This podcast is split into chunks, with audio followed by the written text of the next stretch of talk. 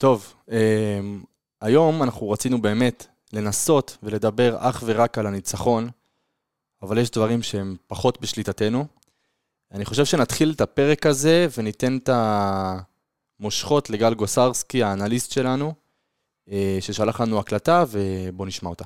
לא תכננתי לעלות היום ולדבר, אבל מה שקרה היום בצהריים באמת, מבחינתי זאת חצייה של כל קו אדום, ואני מרגיש שאני חייב להתייחס ולתת את הטייק שלי לדבר הזה.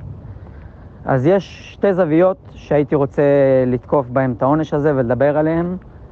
הראשונה היא הזווית שמדברת על זה שבכדורגל הישראלי, משום מה, מונהג איזשהו עיקרון ענישה שבכל מסגרת אחרת במדינה הזאת הוא חלף מהעולם ולא משתמשים בו יותר, וזאת ענישה קולקטיבית. ענישה קולקטיבית לא מקובלת היום במדינת ישראל בשום דין, בשום דבר. ברור לנו חד משמעית שזה לא חלק מהמוסר שלנו, שלא ככה אנחנו היינו רוצים להתנהל, שזה לא צדק. ועדיין, משום מה, בכדורגל הישראלי זה הנוהל, זה התקנון. בכדורגל הישראלי, כשקהל מבצע עבירה, כשבודדים מתוך קהל מבצעים עבירה על התקנון, כל הקהל נענש. זאת על אף שכל יציעי האולטרס הרציניים בארץ מצולמים ממצלמות של כל פינה, על אף שלמעט המזרחי בטדי, אם אני מדבר על שער 11 בבלומפילד, שער 5 בבלומפילד, הדרומי בטרנר, הצפוני בחיפה, כל היציעים האלה סולד אאוטים מנויים שמזדהים במעמד הרכישה, אוקיי? ומסיבה מסוימת, המשטרה, ההתאחדות, המינהלת וכן גם המועדונים לא מתעסקים בענישה פרטנית. לא מתעסקים. אין שום ענישה פרטנית משמעותית, ולא, אני מצטער. להרחיק לחודש ממשחקי בית, לגרום למישהו להפסיד שני משחקי בית, זה לא ענישה פרטנית רצינית. ומה עושים במקום? לא מעלימים עין ואומרים, אוקיי, אנחנו לא מצליחים להעניש פרטנית, אז אנחנו לא נעשה כלום. אלא מענישים את הקולקטיב. ונוצר מנהג שבכל פעם שבודדים, שעשרות, מבצעים איזושהי עבירה על התקנון, נענשים אלפים ועשרות אלפים. והמנהג הזה זה משהו שאנחנו כאוהדי כדורגל לא צריכים לקבל אותו, לא יכולים להשלים איתו, ובעיניי זה פשוט אבסורד ענק, ענק, ענק, ענק. עכשיו יבואו ויגידו, מה, מה הטיעון ההגיוני של הדבר הזה? הם באים ואומרים, אם אנחנו מענישים את הקהל, אם אנחנו שולחים את הפועל באר שבע למשחק רדיוס, אז הקהל ילחץ על אותם אנשים שמדליקים אבוקות, לא להדליק אבוקות. וואלה. באמת אחלה טיעון. אולי גם אם משכונה מסוימת יוצא גנב, אז נעניש את כל השכונה, ואז הם יחנכו, יחנכו את הילדים שלהם לא להיות גנבים. אולי. למה לא עושים את זה? כי מבינים שיש פה איזשהו trade-off. יכול להיות שבאמת אם נעניש את כל השכונה יהיו פחות גנבות. אבל אתה פוגע בכל השכונה. המהות היא שאוהדי כדורגל, הזכות שלהם להגיע למשחקים, הזכות שלהם לנכוח, להיות נוכחים במשחקים שעליהם הם שילמו במנוי, היא לא מספיק חשובה בעיני האנשים שמנהלים את הכדורגל האלה. אפשר לדרוס אותה כדי לקצר תהליכים ולא להשקיע בענישה פרטנית. העונשים הקולקטיביים הם לא צודקים, הם לא מוסריים, ויותר מהכל, הם ממש ממש ממש לא אפקטיביים. זאת הזווית הראשונה שהייתי רוצה להתייחס לדבר הזה. הזווית השנייה היא הזווית של הפועל באר שבע כמועדון בתוך הדבר הזה. אני, אתם יודעים, יש הרבה דיבורים על uh, בית הדין של ינקלה, שופטים של ינקלה, uh, לפני זה השופטים של מכבי תל אביב, אני לא, לא כל כך מאמין בדברים האלה. אני רק רוצה להגיד דבר אחד, שיקום המאזין שחושב שאם המצב היה ההפך, בית הדין של ההתאחדות לכדורגל היה מתערב בצורה כל כך בוטה, כל כך בוטה, במאבק האליפות כנגד מכבי חיפה, או כנגד מכבי תל אביב. אני משוכנע שזה לא היה קורה. אין סיכוי שהדבר הזה היה קורה, וזאת התערבות בוטה וגסה. היום בצהריים שללו לנו, פשוט שללו לנו את הביתיות עד סוף העונה. שללו לנו את הביתיות עד סוף העונה בעיצומו של מאבק אליפות. וזה משהו שאנחנו כאוהדים לא יכולים להבליג עליו, לא יכולים. לא המועדון צריך להבליג עליו ולא אנחנו האוהדים. מה צריך לעשות? קשה מאוד, אין הרבה אופציות טובות. אבל הקול של המועדון ושל האוהדים צריך להישמע בצורה חזקה וברורה ויצירתית, ולנסות לעשות פה איזשהו שינוי.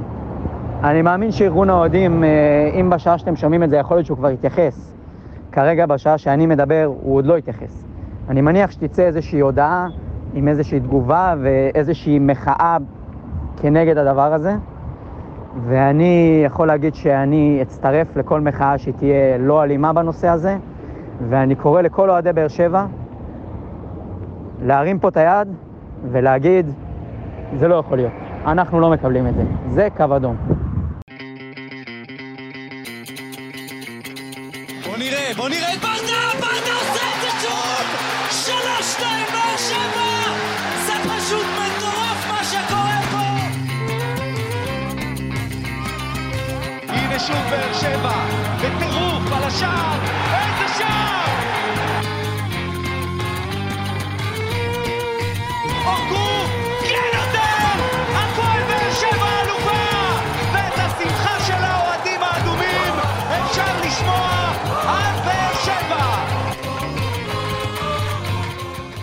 ברוכים הבאים לעוד פרק של פודקאסט האנליסטים שלנו. איפה אנחנו, שחר? אנחנו באיפשהו ברחבי באר שבע. אולפני. באר שבע אול- מאוחדים. אולפני באר שבע המאוחדים. הפעם זה לא באולפני קרוצ'י המאוחדים. כן, שלום. מיכל- שלום שחר מיכלובסקי, שלום, פלד. שלום לילי מרום. שלום, שלום. אה, בוקר לא קל לכולנו, לא. אה, ואנחנו מבטיחים שאנחנו נדבר בעיקר על המשחק, אבל אנחנו חייבים להתחיל עם מה שקרה היום. לפחות את הרבע שעה הראשונה. לפחות הרבע שעה הראשונה. לפני שנתחיל וניגע בזה, נזכיר לכם שהפודקאסט שלנו מבית היוצר של פורמט האנליסטים של רפאל קבסה. האגדי. וכמו כן הפורמט כמה וכמה פודקאסטים מרתקים, כמו אנליסטים מכבי חיפה, מכבי תל אביב, רפואה שלמה. ברכות, ברכות, ברכות. אה, אז אם יש לכם חברים, אוהדי מכבי תל אביב, הפועל תל אביב, אתם מוזמנים לספר להם עלינו ועל הפורמט, וכמובן לעקוב אחרינו בדיגיטל ובכל הפלטפורמות להנאתכם. אה, ועכשיו, אה, אז אנחנו ממש אה, איתנו פה על הקו, אנחנו מתחילים ככה בנושא שאמרתי לכם שאנחנו נדבר עליו בתחילת הפרק. אה, נמצא איתנו אה, חבר הכנסת אלמוג כהן מעוצמה יהודית. שלום אלמוג, מה שלומך? שלום לך, למאזינים. שלום אלמוג. תשמע, קודם כל, זו פעם ראשונה מזה הרבה זמן שאנחנו רואים חבר כנסת שמגיב בנושא של אכיפה וענישה, וזה מבורך. במיוחד במקרים כאלה, עם ענישה באמת אה, לא מידתית. ואני אשאל אותך, אני אגיד לך גם למה אני חושב את זה ומסכים עם מה שכתבת, כי אנחנו לא רואים כמעט בשום תחום במדינת, ישראל, במדינת ישראל, או במדינת חוק מתוקנת, ענישה קולקטיבית בנושאים מסוימים. איך, איך לדעתך זה עדיין קורה בבתי דין לספורט? אני חושב שזה נובע מתוך הרצון שלהם ללכת למקום הקל ולמקום הפשוט. לעיתים המערכות הגדולות והמסורבלות ביותר, אה, לפעמים אה, ידרסו גם את הזכויות הבסיסיות ביותר שיש לנו כאוהדים, כאוהבי העיר באר שבע, כתושבי הנגב, אה, וזה לבוא ובעצם לראות את קבוצתנו האהובה משחקת כדורגל. ואני חושב שבהכרח הענישה הקולקטיבית הוא פתרון שראוי למקומות אחרים, ולא פתרון שבתחושה שלי מנסים להביא איזושהי אה, הרתעה, אבל מאזן ההרתעה הזה בהכרח, בהכרח פוגע בספורטיביות. ולא רק שהוא פוגע בספורטיביות, הוא גם פוגע באותם, הרי רוב הקהל, 99.9% ממנו, זה אנשים נורמטיביים שבאים לראות כדורגל. יש את היכולות, היכולות קיימות, אפשר לעצור את מי שזרק את האבוקות, אפשר לטפל בהם בצורה אה, נקודתית, לא צריך להשליך את הכל על כולם, בטח שבאמת, אה, איצטדיון טרנר זה איצטדיון בריא מאוד, איצטדיון מאוד ספורטיבי, שהוא בעצם משמש מפלט נפשי לתושבים כאן בנגב, ואני חושב שזה אה, דבר שהוא לא ראוי. עכשיו, אנחנו יודעים גם שבאמת אצטדיון טרנר הוא לא אצטדיון ש... שקורים בו הרבה, איך נקרא לזה, תקריות. אבל נכון. uh, יש, יש פעמים שזה כן קורה. השאלה שעולה מהרבה מאזינים גם שדיברו איתנו והכל, זה שאולי כדאי להחליף את מי שאוכף את הסדר בתוך האיצטדיון, במקום במשטרת ישראל, בחברות אבטחה פרטיות. שבמקום שיהיה חיכוך עם שוטרים ואוהדים, מה שאנחנו לא רוצים שיהיה חיכוך עם שוטרים בכלל, יהפוך לסדר שעל המועדון לאכוף אותו, ואז גם אפשר להעניש את, להעניש את המועדון בצורה מידתית יותר. תשמע, זה, אני חושב שזה אמור לבוא, אה, הדברים האלה אמורים לבוא ביחד, מפני שאני בעברי הייתי אה, מפקד צוות באסם, וכשאני אמרתי שהאצטדיון הזה הוא אצטדיון בריא, זה מפני ש... אתה יודע מה המדד לאצטדיון בריא? המדד הוא שאתה רואה שם המון נשים והמון ילדים. נכון. וטרנר מבורך, באמת הוא שופע בהמון נשים והמון ילדים שמגיעים לשם.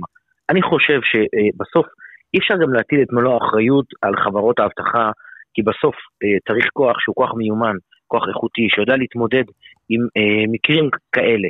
הפתרון בעיניי הוא בטוח לא ענישה קולקטיבית שפוגעת בחייהם של תושבי הנגב, שפוגעת ב- ב- בחוויה הספורטיבית. המקום הזה, צריך להבין, הוא מפלט להמון אנשים. אנחנו כאן בנגב חיים תחת לחץ תמידי וכל הזמן בחרדתיות, ויש כאלה שזה השעה וחצי, שעתיים שלהם, שזה התרפיה שלהם. ופגיעה קולקטיבית בהכרח תפגע בהם, הרי בסוף כולנו יודעים שרוב האוהדים הם אנשים טובים, נורמטיביים, שבאים לראות ספורט. ולכן אני גם חושב שהעונש הזה הוא לא תקין. ולגבי חברות האבטחה, תשמע, אה, אני ראיתי אותם פועלים. אה, זה, מאוד גבולי, יש כאלה שפועלים בחוסר מקצועיות. אני חושב שצריך לשלב, אבל בכל מקרה, לא להעניש קולקטיבית. אני מסכים איתך לגמרי, ובוא אני אקח אותך ככה לזווית אחרת, אתה באר שבעי, אתה משלנו אלמוג, והאם לדעתך, בוא, בוא נגיד את האמת, אנחנו שומעים את הטענות האלה בלי סוף, גם ברשת וגם אה, אנחנו מקבלים הודעות כפודקאסט. האם לדעתך העונש הזה באמת פוגע במאבק האליפות של הפועל באר שבע? חד וחלק, השחקן ה-12 זה הקהל, ובסוף, שחקנים שעולים למגרש הם מחויבים לפני הכל, לפני הכל, לפני המועדון ולפני אה, הרצון שלהם להבקיע גולים ולהיות מצטיינים, הם מחויבים לקהל שמשלם מיטב כספו ומגיע לשם, זה בהכרח פוגע, לכן אני גם דיברתי במכתב שלי, אה, בפנייה שלי לכבוד אה, השר מיקי זוהר, אה, שר הספורט, שבעצם בא ואומר שהעונש הזה הוא בהכרח, האימפקט שלו, הוא משפיע גם על, ה, על אה, ההליך התקין של התחרותיות בספורט שאותו אנחנו רוצים ואוהבים לראות. ואני מקווה שהשר יענה לבקשתי. ובאמת שנוכל אה, לשחק, לראות כדורגל איכותי. בלי אה, להעניש קולקטיבית ובלי שיהיו גם אבוקות, כי גם זו תופעה מאוד מסוכנת, אני חייב לומר. מסכים איתך. מסכימים. אה, קודם כל, חבר הכנסת אה, אלמוג כהן מעוצמה יהודית, תודה רבה שאתה מגיב, תודה רבה שאתה מעורב, זה לא מובן מאליו, ואנחנו כן היינו שמחים לראות עוד אה, חברי כנסת ואנשי ציבור נוקטים. נוקטים בעמדות האלה ומשמיעים את הקולות שלנו, כי בסוף גם בשביל זה אנחנו יוצאים ובוחרים, וזה לא משנה את הבחירות של כל אדם, אנחנו רוצים להיות נבחרי ציבור מעורבים יותר בנושא הספורט. אז חבר הכנסת אלמוג כהן, תודה רבה. אין על מה. חברים, אני רק מוכרח לומר שאין אין על מה לומר תודה. אני עובד אצלכם ולא להפך, וכן, הלוואי ויהיו יותר אה, אישי ציבור שמעורבים בחיי הקהילה ובטח בחיים הספורטיביים שהביאו לנו פה שמחות אדירות הלוואי. כאן בעיר באר שבע. הלוואי. תודה רבה תודה, אלמוג. להתראות. תודה, תודה אהוביי, חג שמח לכולם. חג שמח. טוב, אה, כמו שאמרת, אנחנו באמת רוצים לראות יותר חברי כנסת, לא משנה מהימין או מהשמאל, שמתעסקים בנושא אנשי ציבור, הספורט. אנשי לגמרי, ציבור, לגמרי. שמתעסקים ו- ומעורבים בחיים של כולנו. אה, תשמע, אמרנו נפתח עם הנושא הזה, פתחנו עם הקלטה, חבר הכנסת אלמוג כהן, יש לנו איזה דקה וחצי, לא? הכנת לנו קצת ציוצים מהרשת אה, אה, בנוגע כן, לדבר הזה, אה, לפני שבאמת נעבור למשחק, ואנחנו מבטיחים לדבר מקצועית, סטטיסטיקות ונתונים על המשחק, זה יגיע. לא לדאוג, פשוט היינו חייבים וחייבים להתעסק בזה. כן, אילי. שמ-12 ורבע הטוויטר אה, התפוצץ, אבל בגדול אנחנו חוזרים פה על אה, המון נקודות ש... שבאמת שהרבה אנשים כתבו פה. אה, לא יודע אם שמתם לב, כי אנחנו מדברים רק על הרדיוס. אה, סגרו לנו את היציע הדרומי לשני משחקים, שנשאר לנו עוד אה, משחק אחד בבית, כי, ה... כי המשחק הבא זה רדיוס. נכון. אז יש לנו משחק, אה, משחק ראשון של העונה הבאה בליגה, אנחנו לא בטרנר. אה, ולא יודע אם שמתם לב, אבל אין לנו דגלי פריסה עד סוף אה, 2023. עד שזה- ה-31 בדצמבר. שזה עונש הזוי מבחינתי. כאילו, איך אפשר לאכוף, כאילו... באמת איך אפשר לעשות את זה? אני אני באמת שואל את עצמי, כאילו, מה... אילי, אילי, כן, אילי, אה, תמשיך, יש דברים שלפעמים השתיקה באמת מספיקה. יפה להם. יש כן. עוד אה, ציוץ אה, ככה שלי ושל שחר בז, ש... אה, תחשבו עכשיו על העונש הזה בתור תאונה בכביש 6. אוקיי. ובעצם תחשבו ששני רכבים עושים תאונה, ומה יהיה העונש לנהגים שעשו את זה ושהיו מעורבים בתאונה? לא, העונש יהיה לסגור את הכביש. כל מי. ש... כל מי שנוסע, בעיה שלו. להעביר את כל הרכבים לפתח תקווה. ומי, ש... ומי שמנוי בכביש 6, בעיה שלו, לא מחזירים לו את הכסף. אשכרה, כאילו אם אני מנוי לכביש 6, אז אה, אל תיסע, אתה לא נוסע יותר כי כי הייתה תאונה, בכוונה, אבל... אה, נגיד עוד אה, זה, לא יודע אם שמתם לב, אבל היה סעיף במיוחד בעונש, שהעונש עצמו לא כולל גביע הטוטו. עכשיו, לא יודע אם אתם זוכרים, אם אתם זוכרים עונשים אה, שהיו לשחקנים אה, בעבר, שקיבלו את העונש במיוחד בטוטו, אה, אבל ככה דאגו לציין ספציפית שזה לא יהיה. מה זה אומר על גביע הטוטו? מה ששיערנו כל הזמן? כנראה שאם אנחנו נארח את המשחק של האירופאיות, אז אנחנו נהיה, זה לא משנה. זה תוקף גם... יש לי כל כך הרבה שאלות, כן, ואנחנו זה- לא אמורים להתעסק בהן בכלל. אבל מצד עוד נעשה ציוץ אחרון, שבאמת, למה אנחנו ציפינו כאוהדים ברגע שהמועדון, הגישה של המועדון הייתה אה, אפילו לא להתגונן, זה היה לבקש סליחה במ- כן. ולהגיד, כאילו, מראש מגיעים לדיון ולבקש, כאילו, בבקשה, אל אה, זה, אל אה, תהיו רעים איתנו עם ה... אה, תרחמו דין. עלינו. כן, תרחמו כן. עלינו, וזה לא עובד ככה בבתי משפט.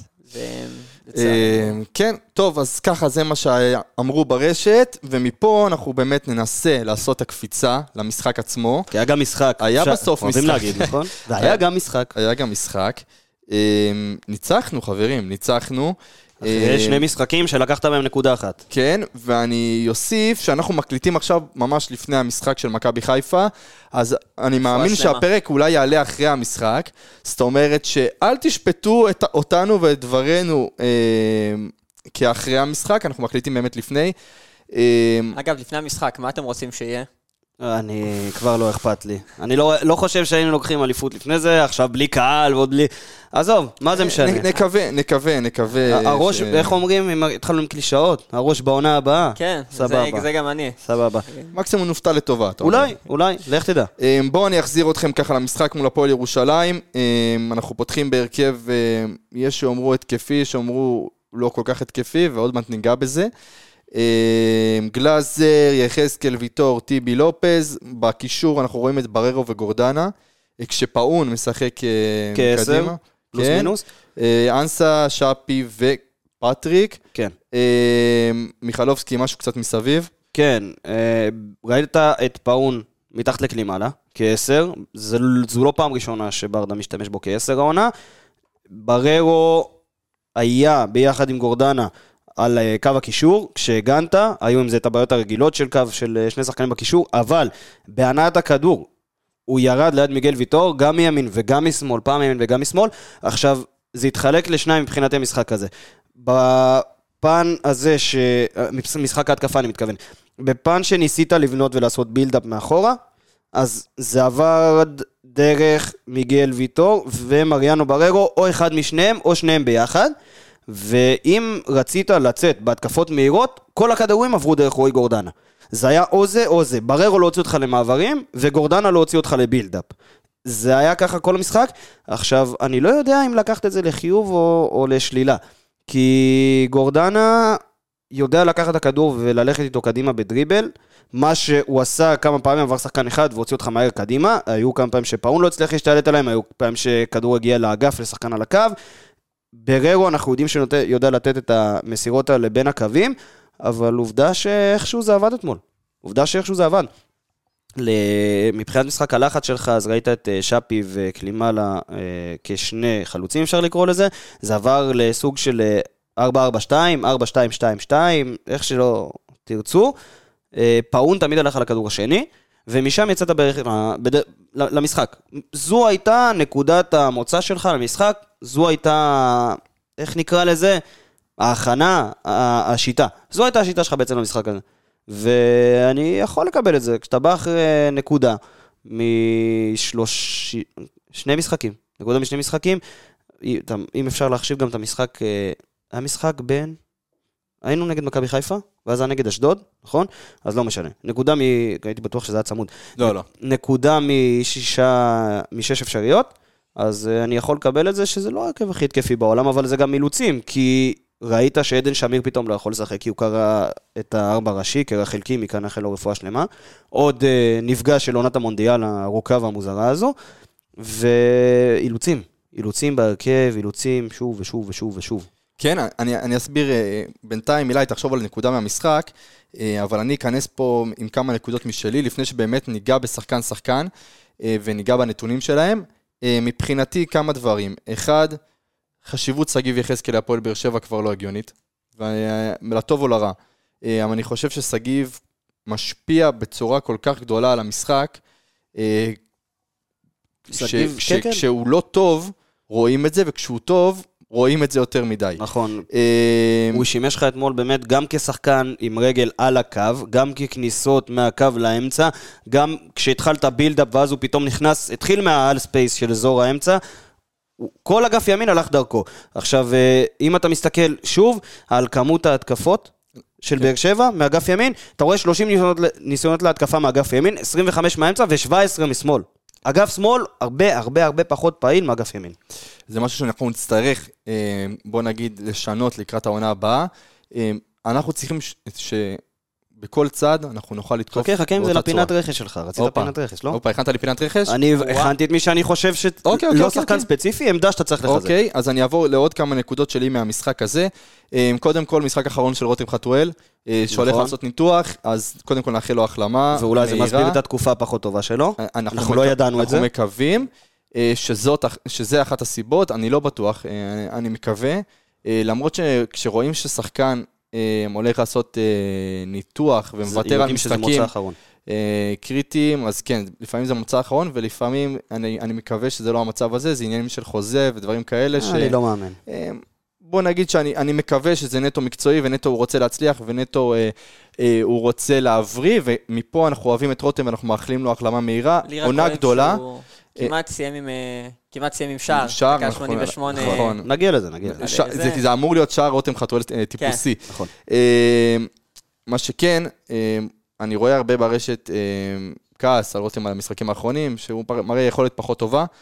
אל תשכחו שבמשך כמות גדולה מהעונה, רותם חתואל החזיק את הפועל באר שבע. חצי הראשון של העונה. אה, ובלי. רותם, ובלי רותם חתואל לא היינו נמצאים על אה, פנטזיה כלש, כלשהי על איזשהו תואר.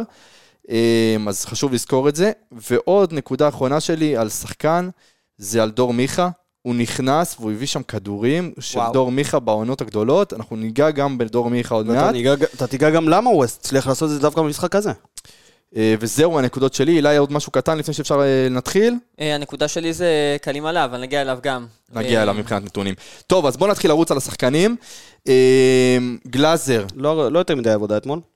לא יותר מדי עבודה. יחזקאל שהביא לו נגיחה, וואו. אה, כן, שגיב יחזקאל, רציתי באמת להתייחס- לזה כשנגיע לשגיב יחזקאל, אבל אפשר גם להגיד את זה עכשיו, גול גדול, גול גדול. אני לא מאשים כמובן גם את שגיב, אפשר לחבר את גלאזר עם שגיב יחזקאל, כי באמת לגלאזר אה, לא הייתה הרבה עבודה אתמול, ורואים את זה גם, אה, אתה יודע, לשוער, כמו שאמרנו בדוח, נספר לו חילוצי כדור. כהצלות, אז יש לו רק שלוש, וגם הפועל ירושלים לא אימה יותר מדי, עם אה, 0.06, אם דיברנו על XG בפרק הקודם, של, שהיה עגום מבחינת אה, הפועל באר שבע, 0.06 לכל הפועל ירושלים, כולל השער של שגיב יחזקאל, שכמובן לא נספר להם בסטטיסטיקה, אבל אה, זה רק מוכיח כמה לא הייתה עבודה לגלאזר. מבחינת שגיב יחזקאל, אם אתה מדבר מבחינה, מבחינת אה, השער העצמי, זה קורה. אין מה לעשות, אתה יודע, הוא לא עלה הכי טוב לכדור, ברור שהוא לא התכוון לזה. מבחינה התקפית אתה רואה כמה הוא חשוב לך, כי הוא באמת מייצר לך אופציה שקודם כל אם שפי משחק, שפי חייב אותו. כי שגיב יחזקאל עומד על הקו ונותן לשפי להיות באזור ה-half space, זאת אומרת בין החצי לבין הקו. ורואים את זה בדיוק במיקום הממוצע של השחקנים במפת החום שלהם. שגיב יחזקאל ממש צמוד אה, לאזור הקו, ושפי באותו אזור, מה שתורם לשפי כמובן. אגב, אני חושב שזה דווקא מוריד משאפי, כי שפי לא יכול לתקוף יותר מדי, כי כאילו, הוא, בהרבה פעמים אתה תראה אותו שהוא, חלק מהעבודה שלו זה לחפות על החורים ששגיב יחזקאל עושה, כי זה באמת ה, חלק מהדברים שכאילו, אנחנו מקבלים, אה, חלק מהדברים כביכול הרעים, שכששגיב יחזקאל בתור מגן אני ימני... אגיד לך מה, אז אנחנו גבוה. נחבר את זה עוד מעט לשאפי כשנגיע אליו, אבל לא, אני, אבל אני אני- מסכים פה עם אילי. אנחנו. רואים הרבה מאוד עבודה הגנתית של שפי, שאולי אנחנו, בוא נגיד, כאינטרס, אנחנו נרצה לראות את שפי יותר משקיע בהתקפה מאשר בהגנה. עכשיו, זה אבל- מתחבר לך, הדבר הזה שאילי אמר, הוא נכון, הוא נכון מאוד, אבל הוא מתחבר לך לעניין של מערך. כי אם אתה משחק עם אה, מערך של 4-3-3 ושלושה קשרים באמצע, עכשיו, אמרנו עוד פעם, זה לא מערך שאני אוהב, זה לא מערך שאני ממליץ עליו, אבל לברדה אתמול לא, לא הייתה כל כך ברירה. כי עדן שמיר, גילינו שהוא קרע את הרצועה, או קרע חלקי לפחות, אה, ממש לפני המשחק, והוא היה חייב לפתוח עם מה שיש לו. שזה בררו וזה גורדנה שניהם. אם אתה פותח ב-4-3-3, אחד הקשרים יכול לסגור את, האזור הזה, ולשחרר את שגיב יחזקאל ואת שפי קדימה, מה שהיה בתחילת העונה, מה שראית את שפי הכי אפקטיבי. אתמול, ובמשחקים האחרים, כן, שפי צריך לבצע יותר עבודה הגנתית, וכן, מבחינה התקפית, אולי עדיף לו לבוא ממש מהאגף לאמצע, בדריבל, מה שהוא עושה הכי טוב, אבל עדיין, גם עם העבודה ההגנתית שהוא מבצע וצריך לבצע, הוא הרבה יותר חופשי כשיש לו את שגיב יחזקאל, ושחקן שמושך תשומת לב פשוט באגף, כי שפי מהאזורים האלה נכנס יותר לעומק, ולא היה לו משחק רע אתמול. נגיע אליו יותר מאוחר.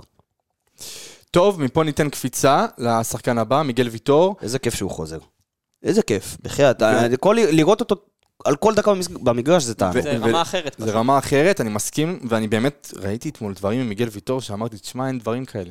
אין דברים כאלה. אם אתם זוכרים, הוא ירד שם לגלישה שהצילה אותנו מהתקפת התקפת מעבר יפה של אה, הפועל ירושלים, אתם זוכרים את זה? נכון, אני לא זוכר באיזה דקה בדיוק, אבל אני זוכר על כן, מה אתה כן, זה מדבר. היה משהו שבאמת מיגל ויטור היחיד שהיה נמצא שם. מהלך מיגל ויטור טיפוסי. כן. אז בואו נדבר רגע מבחינת נתונים של מיגל ויטור. 86 ניסיונות למסירה, 79 מסירות אה, מדויקות, זה 92 אחוזים. זה 8 מ-9 במאבקים מוצלחים, זה כמעט 90 אחוז, 89 אחוזים. אה, זה, זה לא נורמלי. זה לא נורמלי כמה השחקן הזה חשוב לך, עשרה חילוצי כדור. עכשיו צריך להגיד, כל המספרים האלה הם מאוד מאוד מאוד חופפים לאיתן טיבי, ואיתן טיבי אפילו מצליח להתעלות עליו. וואלה. במספר, וואלה. אה, הוא כמעט עם אותו מספר מסירות, עם אותו אחוז דיוק. הוא עם אה, 12 ניסיונות למאבקים ו-11 מוצלחים, 4 מ-4 במאבקי אוויר, ניסו ללכת על הפועל ירושלים כשהיא תקפה. ניסתה ללכת הרבה על איתן טיבי, מה שלא עבד לה בכלל. גם הוא עם 4 חילוצי כדור, עם אה, 10 חילוצי כדור, רק עם 4 עיבודים. שניהם היו במשחק מצוין, ועוד מישהו שאתה יכול לראות עם מספרים דומים זה בררו. עכשיו, למה אני מתייחס לשלושתם ביחד? כי אמרנו שמריאנו בררו ירד לנהל את המשחק, תקרא לזה, ביחד עם שניהם. וגם טיבי, גם ויטור וגם הוא. מה שבדרך כלל, אולי לפעמים אנחנו רואים את uh, לופז, אולי נכנס, אתה יודע, פנימה ו... ויותר uh, מארגן את המשחק, ובגלל זה רואים את אגף שמאל פחות uh, אפקטיבי. זה לא מה שהיה אתמול, לופז לא היה כחלק משלישיית הבלמים, זה היה עם מריאנו בררו, ושלושתם עם אחוזי דיוק מאוד גבוהים במסירה. הם מוסרים, אם אני לא טועה, אה, מסרו הכי הרבה פעמים בהפועל באר שבע, כן, הם מסרו הכי הרבה פעמים בהפועל באר שבע, גם לופז מתחתיהם, אבל שלושתם בעיקר. ניהול המשחק שלך היה בעיקר דרכם, בעיקר קדימה, עם כדורים שבררו או ויטור מנסים לתת בין הקווים, ו... וזה היה טוב לראות אותם. מה שכן, גם הם עמדו יחסית גבוה, דבר שפחות ראינו במשחקים האחרונים. מפה נקפוץ ללופז. אמ, אני חושב שיחסית למשחקים האחרונים, שאני קצת היה לי מחאה על, ה- בוא נגיד, השטוטניקיות של... שטוטניקיות, וואו, שטותניקיות. אה, של לופז. אני חושב שבמשחק הזה הוא היה מאוד אחראי. אמ, הוא הבין את החשיבות של המשחק. אה, עוד מעט אני רואה שאתה עושה לי פרצוף שאתה הולך לתקן אותי, מיכלובסקי. כן, כי הוא מקום שני בקבוצה בעיבודי כדור. אה, יכול להיות שזה נובע מהעניין שהוא תקף יותר, אבל אני לא יודע כמה אחראי זה היה. מצד שני, איפה במגרש? אה, אני לא יודע להגיד לך, אני חייב, אה, אינסטאט לא ציינו את זה, זה קצת מעניין. מבאס.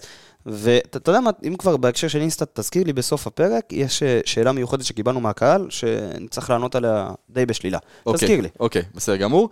אה, אז לופז, אה, אילי, מה אתה מתרשם מהשחקן אתמול? כי אני, אני, אולי אני התרשמתי משהו שראיתי כאוהד, ומיכלובסקי עוד מעט תתקן אותנו, אז בוא תתחבר אליי. אה, גם מהיציע, אני יודע, הייתי במשחק אתמול. אה, נקודה שאני כן רוצה להגיד על לופז, זה שמאז הפציעה של אה, אביב, הוא הרבה יותר אחראי מבחינת הצהובים. אני חושב שהוא נכון, לא קיבל הרבה נכון. צהובים, הוא מבין שגם הוא עכשיו הוא בבעיה, כי זה שלושה צהובים והוא מורחק. ואני לא יודע אם יש לו בכלל אחד מהם. אה, תשמע, אתה חושב ש... שהיה פעם שחקן שהגיע לצהוב אחד והוא מורחק? כי אנחנו יודעים ש... חלילה, לא? אני לא יודע. כי אנחנו יודעים, אתה יודע, אם זה חמישה צהובים בהתחלה ואז ארבעה, ואז שלושה, כמו שלופס במצב הזה עכשיו, השאלה אם פעם היה מישהו שהגיע לאחד, את חלילה זה... מעניין. אני אני מהמר על חלילה. אם יש זה- משימה, יש אבל, משימה. אבל הוא צודק, גם אני מקבל את ההרגשה הזאת שלופז אה, יותר אחראי מאז הפציעה, כי הוא יודע שפשוט אין מי שיחליף אותו. אין לך עוד מגן שמאלי בסגל. וזה, ואנחנו אה, ראינו את דדיה נכנס לעמדה הזאת, ולא טוב, זה לא פתרון בשום צורה, אבל וראינו גם את אריאל, אם אני לא טועה, נכנס לעמדה הזאת. במשחק אחד, מגן ימני הוא שיחק, כן. מגן ימני, נכון. הוא שיחק עם מגן, אבל אני, אני אגיד לך את האמת, אנחנו דיברנו אה, עוד לפני כמה פרקים על אה, אם אתה משאיר פה את לופז בעונה הבאה או לא, ואמרתי שחד משמעית כן, גם הקהל שהצביע בסקר הקטן הזה שערכנו אמר חד משמעית כן. אני חושב שמאז הפציעה של אביב סולומון, דיברת על אחריות, פחות נותנים לו לעלות קדימה, ויותר שייכנס להיות מעורב בניהול המשחק. ובגלל זה אנחנו רואים יותר התקפות מהצד של שגיב ופחות משל לופז. אני- נכון. מעניין אותי, אבל- האם בגלל ששגיב עולה יותר מדי קדימה, מה זה יותר מדי? אנחנו צריכים את שגיב שיעלה קדימה, אנחנו רואים את לופז יותר הולך אחורה? כן, כן, אני חושב שכן, כי מישהו צריך לאזן את זה. אתה לא יכול ששני אגפים יעלו לך, בטח לא כשאתה משחק עם שני בלמים ולא שלושה, בטח לא כשאין לך קשר, גם שיכול לסגור את זה, אם שני הקשרים שלך מצטרפים קדימה, או שאתה משאיר קו קישור של אה, שחקן שאמור להיות באמצע שמאל או אמצע ימין. מה שתורם ללופז, כמו ששגיב תורם לשאפי, אה, אנסה תורם ללופז לדעתי, כי הוא מוריד ממנו את העומס ההתקפי לייצר ולהגן בו זמנית. ואתמול אנסה היה מצוין, ונגיע גם לאנסה קדימה. נגיע לאנסה, אילי, אל רגע, אני תדאג. רק רוצה להגיד גם על לופז, שאולי, אנחנו יודעים שלופז הוא שחקן מאוד אמוציונלי, ואני חושב אני שגם, מת יכול על להיות זה. שגם, יכול להיות שחלק מה- מהריסון שלו, יכול להיות שבאמת זה קצת מה שפוגע ברמה שלו. יכול להיות. אה, יכול להיות, יכול להיות. שחקן שרגיל להיות אמוציונלי במשחק, רגיל להוציא אנרגיות ואמוציות, ומה לעשות, גם לקבל צהובים, בדרך כלל מתעל את זה כשהוא טוב למקומות אחרים. אולי בגלל שהוא מרוסן פחות אה, אה, מעורב התקפית, אני לוקח את זה להסבר המקצועי, שאתה צריך לראות את שגיב יחזקאל עולה קדימה, ואתה צריך פשוט לאזן את זה מהצד השני. אם יש לך שחקן על המגרש כמו אנסה, או כל כנף שמאל אחר, שחקן שבאמת כנף שמאל, הוא ידע לקחת את זה קדימה, כמו שאנסה עשה אתמול, אבל זה גם הרבה בזכות הפועל ירושלים. אבל אחלה לופז. אה, לגמרי, אנחנו נעבור עכשיו אילי, אתה לקישור. יודע מה, אילי לא שאלנו אותו, אתה משאיר את לופז עונה הבאה? אה, אני, עם הדעה שלי ללופז, זה אם אנחנו מוצאים משהו יותר טוב, אז זה להביא. כאילו אם אנחנו עכשיו מוצאים אה, מגן ימני בין איזה 27... מגן 28 ימני? אה, סליחה, מגן שמאלי. בין אה, נגיד 26, 27, או מישהו שכרגע ביכולת הנוכחית יותר טוב מלופז, אז כן, לא להשאיר את לופז בכל מחיר, אה, אבל אה, אם הוא נשאר זה לא איזה אבדה אז גדולה. אני אתמצת את מה שאלי אומר. הוא אומר, אם מערך הסקאוט של הפועל באר שבע יעבוד כמו שצריך ויצליח למצוא מישהו יותר טוב, אז מבורך. אז מבורך. כן. תרשה לי לפקפק בזה. טוב, נעבור מפה לקישור. דיברנו על בררו. רגע, ולפני שבאמת נתחיל וניגע בשחקנים, אליאס פצוע, ומתווסף אליו עוד פצוע נוסף, עדן שמיר. אה, שוב, מונדיאל, אחי. כמה נסיים. עוד החלמה מהירה של הפועל באר שבע, אה, באמת, אנחנו אוהבים את עדן גם, ואנחנו מאחלים לו רק אה, בריאות, אבל שוב, חיסרון משמעותי להפועל באר שבע זו. עונת מונדיאל, ו... שחר, אני, אני אגב, מצטער, אני, לא מסכים עם אני זה. גם לא מסכים עם זה. אני לא אנחנו- מסכים עם זה. אה, ת, תגיד רגע את הטיעון אני שלך, אגיד לך ואני מה, אתה אכנס יכול לראות בכל העולם, בכל קבוצה, לא משנה את מערך הכושר של, תגיד, טוב יותר, טוב פחות של הפועל באר שבע, לא משנה. בהרבה מאוד קבוצות להוציא את ה top של ה top של ה top, יש פציעות שגורמות לשחקנים להפסיד משחקים. עכשיו לא, זה לא כי שלחת שחקנים למונדיאל, מה לעשות? זה לא כי שלחת שחקנים למונדיאל, אבל זה כן בגלל שיש לך עומס ומתווסף לך עומס בשלבים האלה של העונה. עכשיו, מתי יכולת לראות את העומס הזה הכי טוב? מתי שאליאס נפצע? באזור פגרת הנבחרת, נכון? מתי עדן שמיר נפצע? עכשיו, אחרי פגרת, פגרת הנבחרת, פלוס מינוס אזור של חודש. אתה יכול לראות גם מכבי חיפה, גדולה עם הסגל העמוק וליגת אלופות והכל, גם אצלה היו פציעות. גם אצלה היו אם אנחנו פציעות. מסתכלים על מכבי חיפה, גם על מכבי תל אביב, בוא נגיד קבוצות ש... אה, אתה יודע מה, אני אפילו, אם אנחנו מדברים על עומס, בקבוצות הקטנות ש...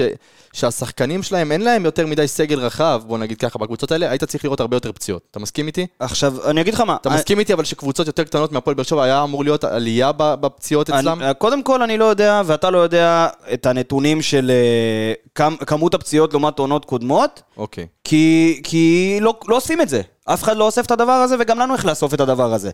אני כן מרגיש שמבחינת זה שיש לך יותר צפיפות של משחקים, ומה לעשות, בעונות קודמות שהיה לך משחק בשבוע, עכשיו זה שזה דפוק שיש פה... אה, הליגה הזאת רגילה למשחק בשבוע, ואם זה יותר מזה זה עומס, זה דפוק, אני מסכים איתך. אם שחקנים מקצוענים באירופה או במקומות אחרים צריכים להיות אה, גילים ליותר מזה, כן. מצב נתון, פה בליגה יש לך שחקנים שהתרגלו לכמות משחקים מסוימת, היו לך יותר בזמן. במיוחד בחודש וחצי, חודשיים האחרונים, שזה נדחס פשוט, תוסיף לזה משחקי נבחרת, פגרות שדחפו עוד יותר משחקים, משחקי גביע למי שמשחק, לא אצלך, ועדיין, אני לא רואה סיבה לא להאשים את המונדיאל. מתי אני אדע לתת ביקורת על, ה... על מערך הכושר, תקרא לזה, של הפועל באר שבע? אם זה יקרה בעונות הבאות. בסדר גמור. אז אה, התחלנו לדבר על הקישור, אה, וניגע בבררו. אה, קודם כל. בוא, שחר, בוא. דבר רגע בכלליות רגע על מערך הקישור, על הרצון לפתוח עם בררו לצד גורדנה. זה לא נראה לי רצון, זה יותר אילוץ. זה לא לא הייתה לנו יותר מדי אופציות. זה לא היה יותר מדי אופציות. עכשיו, אם אתה חושב שאולי יש מישהו אחר על הספסל, אה, לא, לא, תיכנס לסגל, לא רואה את זה, אולי כאילו עוד מעט נתקדם קדימה לדבר על פאון שם, שמצטרף אליהם, שזה כן אני סוגיה לא ש... יודע אם אם פאון אה, נחשב כחלק משלישיית הקישור. זה העניין. הוא עשה את זה ברומניה. הוא, הוא עשה את זה ברומניה, והוא לא רק בעונה שעברה, אני גם כבר מכיר אותו, אמרתי, יצא לי לעשות בקורס אה, scouting, עבודת scouting על, על קלוז', ופאון היה שם, אהבתי אותו מאז. והוא באמת הצטרף לקישור אה, אחר כך, אבל... אנחנו נגיע בסדר, אליו. נגיע אליו. בררו. אני מת על מריאנו בררו, אני חולה עליו, הוא נותן לך כל כך הרבה איכויות, ואני אני כל כך לא מסכים עם הקולות שאני שומע של מריאנו בררו לא חזר מהפציעה. מריאנו בררו אכבר חזר מהפציעה. הוא חזר מהפציעה כששי אליאס היה בכושר שיא, וזה מבורך בשבילך שיש לך שני שחקנים בעמדה כזו שיכולים להיות בכושר שיא, והוא חזר כבלם, והוא חזר כקשר לידו. כשהוא היה קשר לידו הוא היה פחות טוב, כי הוא לא עושה את התפקיד שלו כמו שצריך. אבל אחר כך ראית אותו כבלם, וכששי אלס נפצע, ראית אותו שוב בתפקיד הזה ועושה את זה מצוין. ואתמול ראית אותו גם מצטרף לשלישיית הבלמים ומנסה לדחוף כדורים קדימה. וגם אה, אה, מחלץ לך כדורים באזור החצי, וליד הבלמים קרוב מאוד אליהם, ועושה את זה טוב, למרות ששוב, הוא בקו קישור של שני שחקנים, וזה לא הברירה הטבעית שלו. ו...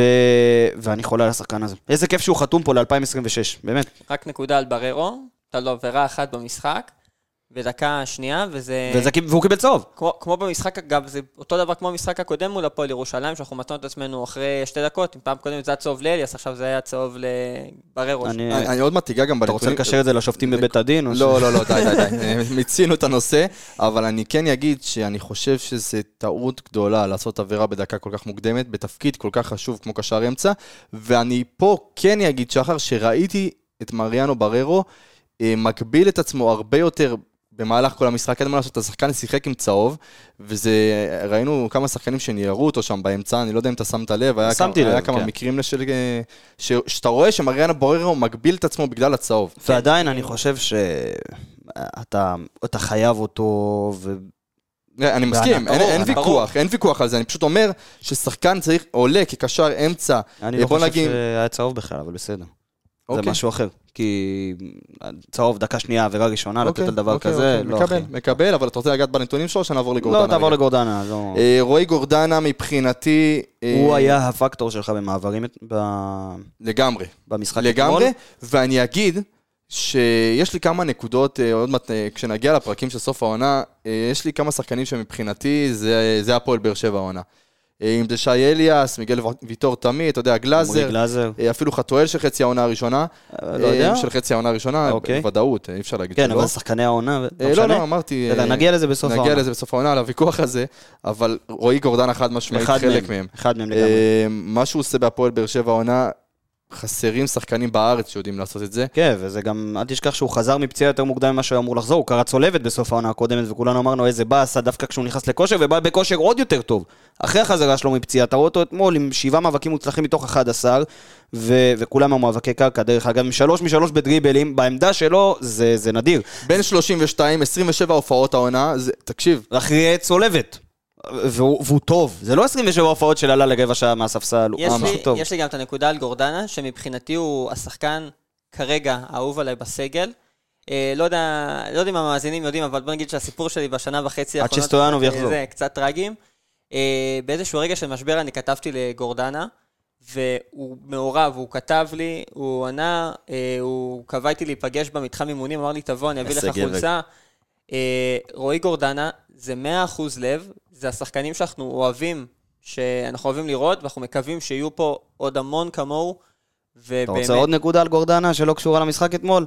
גורדנה מאימונים שאני הייתי רואה בעונה שעברה, הוא ואיתי שכטר, זה שחקנים שתתן להם לשחק אחי עם, עם כדור במסדרון, כדור טניס במסדרון, הם לא יכולים להפסיד. זה, זה, זה מעניין מה שאתם אומרים, כי אתמול אני צפיתי אה, במשחק עם חבר, אה, עם סער בן שושן, חבר טוב, אה, והוא אמר לי בדיוק את הנקודה הזאת, הוא אמר לי, אתה תסתכל רגע על המשחק, יש שחקנים שאתה יכול להסתכל עליהם ולהגיד להם, וואלה, הוא, מבחינתו, על להיות כדור, כדורגלן, לפני להיות מפורסם, זה רועי גורדנה. ואתה מסתכל על זה גם על עוד שחקנים, אה, מיגל ויטור, הוא רוצה להיות כדורגלן לפני שהוא רוצה להיות מפורסם. מריאנו בררו, רוצה להיות כדורגלן לפני שהוא רוצה להיות מפורסם. אי אפשר להגיד את זה על כל השחקנים, כי אתם יודעים על מי אני חושב, על איזה שחקנים אני נכון. חושב. אה, אנחנו לא נגיד את השמות, כי כל אחד לוקח את זה למקום שלו, ומבחינתי, כשהם באים לשחק כדורגל, מבחינתי זה מה ש... אבל אני רוצה שחקנים כמו גורדנה. לגמרי. אחלה רועי גורדנה, אה, משחק טוב של אתמול, ואני רוצה לגעת לך, אם לא בנתונים אמרנו, עם המאבקים והדריבלים, ומהעמדה שלו גם שני תיקולים מוצלחים, כי הקישור לא היה לו כל כך הרבה עבודה אתמול, הפועל ירושלים, מה לעשות, לא הייתה טובה, אבל הוא היה הנקודה שלך במעברים, כי כל המעברים הלכו דרכו, וכשהוא נותן דריבל קטן, הטריה קטנה לשחקן ומוציא אותך קדימה, זה שובר ומוציא את כל הפועל ירושלים מהמערך שלהם, וזה מבורך שיש לך זה שחקן מהלך שיודע לעשות מטורף את זה. שלו, שהוא עוצר, מסתובב, הוא וזה עוצר כמעט- מ- זה כמעט תמיד עובד אני לו. אגיד לך מה, זהו, כששחקן כל כך טוב במשהו מסוים, אז אתה רואה שגם אם יודעים מה הוא הולך לעשות, לא יכולים לעצור את זה. וזה העניין אצל זה רועי גם היה. מהלך חכם שבעבירה שעשו, שהוא עצר את. המשחק, הוא עצר את המשחק כדי להוציא מהר, כדי טיפה לב- נכון, טיפה הוא- לבלגן את... אה, אתה יודע מה, לא נגענו בזה. הוא הסיבה לשער של יוג'ין אנסה. הוא הסיבה לשער של יוג'ין אנסה, כשהוא שער. הוציא... ואיזה שער. הוא- אנסה לא יכול להבקיע שערים רגילים. והוא הוא הוציא את הכדור מהר, כשהפועל... מהר חוקי וכשהפועל ירושלים לא במקום, וזה רועי גורדנה. זו התשוקה לנצח. מת עליו. לגמרי. טוב, נעבור לחלק ההתקפי, שאני חושב שזה מצחיק. אני אגיד לך מה, יש משחקים במהלך העונה הזאת, ראינו בלי סוף משחקים כאלה, שהחלק ההתקפי לא הצליח גם להבקיע. זאת אומרת, היינו מתלוננים, מתלוננים, מתלוננים, ואתה יודע, אין שערים מהחלוצים ואין אה, שערים מהקו שחקני. הכנף. לא היינו רואים את זה, והיינו רואים פתאום את חתואל נכנס לדקה 70 מפקיע, וראינו אה, שחקנים אה, מפקיעים ממצבים נייחים, ואת החלק ההתקפי לא מפקיע. מצחיק להתלונן על החלק ההתקפי, כשגם פטריק וגם אנסה מפקיעים, אבל לא אין מה לי- לעשות. יש לי- אני לא יודע אם יש לי כל כך תלונות, אני חייב להגיד לך. אוקיי, אז בוא ניגע בזה רגע, כי... מאיפה אתה רוצה להתחיל? אתמול כמעט כל הח- כל החוליה ההתקפית אה, עם תרומה, כמעט כולם. נכון? מאיפה- אתה רוצה. להתחיל? אז, אז אני אגיד שמבחינתי היה... אה, טוב, אתה יודע מה? בוא, בוא ניגע באמת שחקן שחקן, בסדר? ממי בא לך להתחיל? כי... בוא. בוא ניגע באנסה. נתחיל באנסה. אני חושב או. שהיה לו משחק מצוין. אוקיי. אני באמת חושב שהיה לו משחק אוקיי, מצוין. אילי רגע, תתאפק, כן, מיכלובסקי. למה היה לו משחק טוב? למה למה היה לו משחק טוב? וזה גם נוגע אחרי זה, אתה יודע מה? לא, בעצם בוא נדבר על אנסה ואז על גם קלימאלה, כי זה נוגע לשניהם. למה לאנסה משחק טוב? כי הפועל ירושלים עמדה גבוה והשאירה שטח מאחורה, מה ששחקן כמו יוג'ין אנסה אוהב. אוהב. עכשיו, אה, תגיד עושה טוב, עושה פחות, זה תלוי משחק, זה סובייקטיבי, כל אחד רואה את זה אחרת. אני עדיין חושב שהוא לא מספיק טוב כדי להישאר פה בעונה הבאה, סבבה. אבל אתמול, צריך להגיד, היה לו משחק טוב, הוא היה מאוד מאוד מעורב, אם זה מבחינת מסירות, הוא עם uh, כמעט 20, uh, 20 מסירות, uh, זה כמעט יותר מכל שחקני ההתקפה שלך. ועם מאבקים מוצלחים, לא הרבה, אבל עם הרבה ניסיונות. עכשיו אנחנו אומרים תמיד ששחקני כנף שנכנסים להרבה ניסיונות, לאו דווקא צריכים להצליח בהרבה, כי אם הם כופים את המאבקים על המגנים שלהם, הם גם יצליחו בחלק מהם. ואתה רואה את זה לראיה בניסיונות להתקפה. כשאנחנו מדברים על ניסיונות להתקפה, בכל פעם, נגיד עוד פעם, ניקח נגיד סתם לדוגמה את אגף ימין, היו לך שלוש התקפות מוצלחות בסך הכל מאגף ימין, אבל מתוך 30 ניסיונות. עכשיו, זה לא אגף של אנסה, אבל זה לשם הדוגמה. המאבקים שלו, גם, הוא לא הצליח כל כך במאבקי אוויר, הוא הצליח רק 5 מ-14 במאבקים כוללים. אבל יוג'ין אנסה זה שחקן שאם יש משחק שיש בו שטח עם, ירידה. עם, יריד... עם יריבה שעומדת גבוה, דוגמת מכבי נתניה, במשחק הקודם בו הוא לא שותף, הוא יכול לנצל את זה. הוא יכול לנצל את זה, והוא יכול גם אם לא אה, אה, להבקיע שער כמו שראינו אתמול, אימא'לה, אבל שער מדהים. אבל אה, הוא יכול גם להכניס קורסים לרחבה, מה שראינו אותו עושה אתמול, ועושה טוב. הייתה הזדמנות במחצית הראשונה, אם אני לא טועה, שהוא גם, הוא, הוא נכון. הכניס קרוס לרחבה, קרוס היה לו שטוח. גם במחצית השנייה גם כדור כזה. וגם במחצית השנייה, והייתה גם החמצה באחד על אחד מול השוער. הוא היה טוב אתמול. הוא היה מעורב התקפית, הוא הגיע למאבקים שלו, הוא הגיע לאיומים שלו. ארבעה איומים, שניים למסגרת.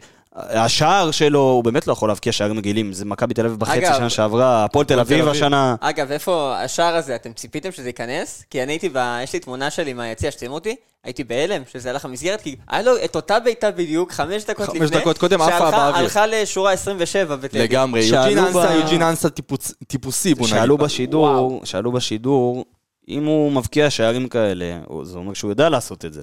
למה זה לא קורה כל פעם? אין לי תשובה לשאלה הזאת.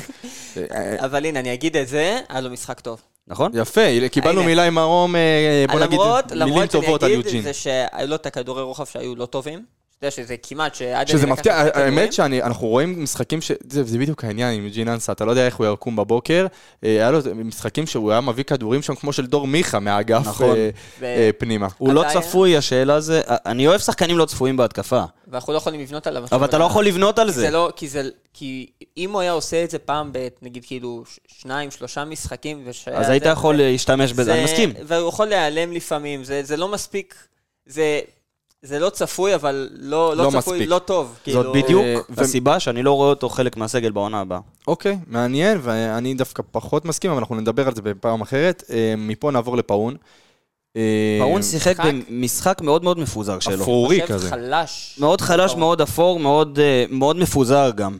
אני אגיד לך למה, עוד פעם אנחנו ניגע בזה. אתה משחק במערך עם שחקן כמספר 10. ובמשחק הקודם שיחק שם אה, אה, רמזי ושיחק שם מיכה, ושניהם היו לא מספיק מעורבים מבחינת כמות המסירות. וגם פה אתה רואה את אלכסנדר פאון רק עם 19 מסירות. עם 23 ניסיונות למסירה.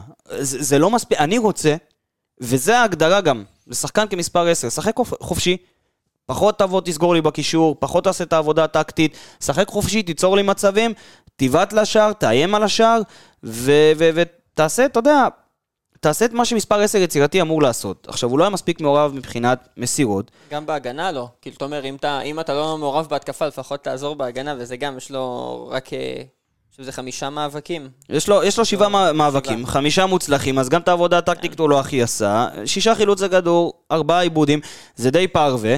ודריבלים מוצלחים, הוא עשה רק אחד. מאבקי קרקע, לא הצליח כל כך.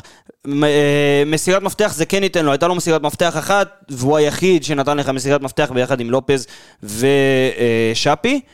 אני לא חושב שהמשחק טוב שלו, אני לא חושב, הוא יכול לשחק כעשר, אני לא יודע מה הפתרון לשחק כעשר. אז עוד מעט נדבר, כשנדבר על החילופים, על מי היה צריך לשחק אה, כעשר. כן, נכון, אז אני חושב ששוב, משחק די אפור שלו, הוא חתום פה לעונה הבאה. אה, נדבר על זה בסוף העונה. ועכשיו נעבור לשחקן שלא חתום עוד, אה, שזה שפי. תקשיב, אה, שפי, השורת סטטיסטיקה שלו לא- לא מחמיאה לו. לא מחמיאה לו, ואני כמישהו, זה, זה בדיוק לפעמים יש משחקים כאלה שמישהו מסתכל, רואה את השורה הסטטיסטית, נו. מסתכל על המשחק ולא מתחבר לו, כי מבחינתי, שפי שיחק טוב אתמול. מהיציע, אני- אני אגיד לך מה. שפי היה מעורב, שפי באמת עשה הרבה עבודה טקטית שלא נספרת בסטטיסטיקה, אם זה סגירה טובה לשגיב יחזקאל באמת, כמו שאלה הזכיר קודם, ועוד ועוד אה, פרמטרים, אתה יכול לקרוא לזה טקטיים, אבל אם עוד פעם תהיה לך שורת סטטיסטיקה שאני לא אוהב להסתכל רק עליה, אבל רק שניים מתוך שמונה מאבקים, ובמאבקים אנחנו יודעים שיש לך דריבלים, שפי זה הצעד הכי חזק שלו, דריבל. הוא עשה רק אחד, מוצלח, אבל עשה רק אחד. שמונה עיבודי כדור זה גם, זה לא משהו שכל כך אכפת לי משחקן כנף, אבל עדיין, לא יודע, זה, זה לא שווה מיליון יורו. אני חושב שזה, הבעיה עם שפי זה, זה כאילו זה המיליון יורו. אתה חושב שיש לא- לו תג מחיר על הגב? הוא, הוא, אתה חושב שהוא משחק עם זה בראש? לא. אני לא, לא? בטוח, יש לו משהו על הראש בטוח. כאילו, מה, יש משהו שעובר שם, כי אנחנו ראינו שחקן, זה שחקן אחר ממה שהיה לפני... תקשיב, השחקן הזה הבקיע באירופה, השחקן הזה שיחק בליגת אלופות בגיל מאוד צעיר. יש לו פוטנציאל, אבל אנחנו יודעים, ואתה יודע שעם קצת ליטוש יש לך פה יהלום, מה זה יהלום השאלה אם ביד? אתה משקיע כל כך הרבה כסף בשביל גם לבצע את הליטוש הזה. אני חושב- השאלה אם יש לך את היכולת בכלל לעשות את הליטוש הזה, אם יש לך את האנשי מקצוע המתאימים בשביל לקחת לא- את שפי. לא יודע. וזה לא קשור לא יודע, האם יש לך זמן כהפועל באר שבע, האם יש לך את הסגל אה, מאמנים, הסגל מאמני אני כושר. הסגל אנליסטים מספיק טוב אני בשביל רוצה- לשבת עם אני רוצה שחקן לשאול אותך- באופן פרטי ולה- ו- ול- ולתת לו את הזמן ואת היכולת להשקיע אני אגיד בשחקן לך, שעולה. עולה לך כל כך הרבה, או עדיף לך לקחת את הכסף שהשקעת שאמור על שפי בשביל להביא שחקן מוכן. אגב, עכשיו- אבל זאת, זה גם מה שאני חושב. השאלה זה המועדון בצומת דרכים של מה אתה רוצה לעשות. כי אה, האם אנחנו רוצים להביא... אנחנו מסתכלים על שפי לשחקן לשנה הבאה, או לארבע, חמש שנים הבאות. כי אם אתה עכשיו אומר לי, אפשר להביא שחקן יותר טוב שנה הבאה במיליון יורו, כן, אתה יכול להביא את השחקן הזה בין ה-29, בין ה-30, שהוא עכשיו שמוכן יותר. האם לנו, האם זה השחקן שתביא יהיה יותר טוב בעוד 3-4 שנים? אני לא בטוח. אני חושב ששפי זה שחקן, במיוחד עכשיו שאנחנו אנחנו לא רוצים לעשות איזשהו חריש עמוק בסגל, כי יש לנו בסיס טוב, זה שחקן שאני משאיר. יכול להיות שלא במיליון יורו, ואם אפשר להשיל אותו לעוד עונה או להוריד מק- מקרסנודר, זה שחקן שאני כן משאיר. אני חושב שבשלבי מוקדמות של הקונפרנס הוא הולך להיות מאוד מאוד מאוד חשוב. אה, ובאמת זה שחקן שמתחבר עוד עונה, יש גם את התסמונת של העונה השנייה, שהעונה השנייה של שחקנים היא יותר טובה מהעונה הראשונה ברוב המקרים. אה, ש... תקשיב, אנחנו שאלנו את עצמנו על, את השאלה לגבי שפי הרבה בפודקאסט אצלנו, וזה צריך, זו צריכה להיות בחירה בין גישה של מה שאתה הצגת, פלד, של זה שחקן שהשנה הוא בן 22, בעונה הבאה הוא יהיה בן 23. אם אתה משקיע עליו סכום שהוא בין ה-800 אלף למיליון יורו, אם אתה מצליח להוריד קרסנודר איכשהו ואתה רוצה למכור אותו אחר כך, זה אומר שאתה תקבל שחקן בן 23, אתה צריך לעבוד עליו, ללטש אותו, אתה לא יודע אם עונה אחת תספיק לזה, ולמכור אותו ביותר ממיליון יורו מהליגה הישראלית, בגיל 24 ומעלה. לא בטוח שנמכור. זהו, שנייה, שנייה. עכשיו, זה אם אתה מסתכל על גישה של לקחת, לשפר ולמכור. אם אתה מסתכל על גישה של אני לוקח אותו, אני משאיר אותו אצלי, אני נותן לי להיות שחקן C אצלי, זו גישה אחרת. צריך לזכור שגם אצל שחקנים זרים, יש לך את עניין המיסוי, שאחרי חמש שנים, המשכורת שלהם מוכפלת כמעט מבחינת מס, וזה גם משהו שאתה צריך לחשוב עליו, כי אם אתה משאיר אותו לכל כך הרבה זמן, לארבע וחמש שנים קדימה, זה עובר את זה. ואז אם תצליח למכור, לא תצליח למכור, ואם זה לא יהיה שווה את זה, ואם... זה סיכון שצריך לקחת. אני, אני מקבל את כל מה שאתה אומר, ואני אוסיף. אני חושב, שוב אני אגיד את זה. אני חושב שלפועל באר שבע, כרגע... אין את הפריבילגיה? אין את היכולת להפוך את שפי למה ששפי יכול להיות. זה מה שאני אומר. יכול להיות. אני יכול חושב להיות. שלתת לשחקן דקות משחק זה לא מספיק בשביל להפוך שחקן לשחקן. אני חושב שהוא צריך לעבור אימונים פרטיים, הוא צריך לעבור, אה, אה, בוא נגיד, אה, לשבת איתו אנליסטים בנפרד ולהראות לו מה הוא צריך לעשות, ואני לא חושב שלהפועל באר שבע כרגע, יש את המשאבים לעשות את זה. עם כל הכבוד גם לאנליסטים וגם למאמני הכושר וגם למאמנים, אין את היכולת לשבת עם שחקן באופן ספציפי. זה הטענה שלי. אוקיי, אז זו, זו גישה שהפועל באר שבע תצטרך לבחור ממנה בעונה הבאה. עכשיו נגיע לפטריק. נגיע לפטריק, יש חלוץ? תשמע, אנחנו דיברנו הרבה, אני, אני אמרתי מההתחלה, הוא, הוא היה נראה לי טוב. מההתחלה הוא היה נראה לי טוב. בשער הזה שהוא הבקיע, השער הראשון שלו, שהוא השתמש בכל מה שחלוץ צריך, אם זה רגל שמאל, אם זה רגל ימין, אם זה סיומת פה, אם זה דריבל, לקח את השחקן שלו, אם זה תקיפת שטח, הוא עשה את זה. מאז הוא הלך וגם החמיץ החמצת אה, סלמני אחת פה בטרנר, והשאלות עלו, אולי זה סלמני אה, בגרסה אחרת. אולי. אתמול, אני חושב שבשער שלו, הוא הוכיח שכן יש לו את הסיומת. מה אני כן רוצה לראות מסל... מסלמני? מה אני... מסלמני לא רוצה לראות שום דבר. מה אני כן רוצה לראות מפטריק? מה אני כן רוצה לראות מפטריק? יותר עקביות. יותר עקביות, כי שער שלו לא יכול לבוא פעם בחמישה, שישה משחקים. שער שלו צריך לבוא פעם במשחק שניים, כי הוא חלוץ. הוא החלוץ שלך, הוא ה-go to guy שלך. חלוץ שאתה שם אותו בעמדה תשע, צריך להבקיע שערים. אתמול, שער גדול. אתמול הוא עשה טוב. אתמול אתה רואה אותו גם רץ לשטח, אחרי ש... שחר, איך צריך לשחק עם פטריק? איך? מי אני אמור לשחק לידו? מול איזה קבוצות הוא צריך לשחק? על כל הקבוצות פטריק יכול לשחק? למה אמרנו שאנסה היה טוב אתמול? היה לו שטח, נכון? גם אה, השער של פטריק מגיע מתקיפת שטח, הגנה יחסית גבוהה של הפועל ירושלים, מסירה של פאון שמה, שפגע ברגל של שחקן של הפועל ירושלים, תסלחו לי שאני לא זוכר מי זה בדיוק, והכדור הגיע ככדור טועה. עכשיו, צריך להגיד, התזמון שלו ליציאה לכדור, ל... לכדור של פאון, עוד לפני שהוא ידע שזה פוגע, היה תזמון טוב. הוא לא שבר נבדל, הוא, הוא היה טיפה אחרי השחקן, ברווח הזה שאתה בדיוק צריך, גם הסיומת שלו הייתה טובה. אני רוצה להיות עקביות. אני חושב שהוא חתום פה לש... לשלוש וחצי שנים, נכון? אם אני לא טועה. שוב פעם, אנחנו לא יודעים לכמה כסף, לכמה לא, לא, זמן, לא, אני לא מדבר על, אה, לא, כסף. ברור, כן. לפי דעתי זה חלוץ שלפחות מר- הייתי נותן לו לפתוח את העונה הבאה. כן, כן. וחד כן. משמעית. עד ינואר, אה, תקופת מבחן, אתה אומר? אה, יש לו דבר ראשון לסוף העונה, עונת, אה, נכון. תקופת מבחן, אבל לפי דעתי לא מדובר באיזה חלוץ שהוא גרוע. לא, לא, לא, לא. זה רק, זה, הבעיה שלו זה נטו אני חושב הסיומת. שיש לו איכויות, ושוב, צריך לזכור, אנחנו שופטים זרים כל כך מהר פה. זה הכי כיף. אפילו את שפי, אתה יודע מה? אפילו את שפי. שפי זה עניין אחר, באמת, עם התג מחיר הגבוה שלו.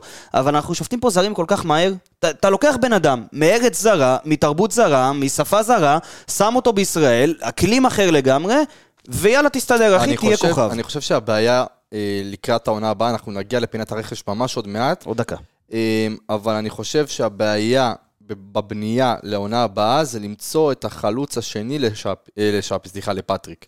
יש חלוץ אה, ישראלי? טאי בריבו. רגע, רגע, אנחנו מתאבד נגיע על לזה. אנחנו-. אז אנחנו לא נגיע יגיע לזה ברכש, לא ונזרוק פה כמה שמות לכיף, בסדר? זה יהיה פינת כיף קצת. אה, אה, כן. נגיע לזה עוד מעט. לא, למרות שפינת. הרכש בהפועל באר שבע בחיים לא כיפית, אבל בסדר, בסדר. בסדר, עזוב, נגיע לזה עוד אה, שנייה. חילופים. אה, החילופים היו מאוחרים אתמול, יחסית. נכון, דקה כאילו, שי- ראית- דקה 67, רותם חתואל על שפי.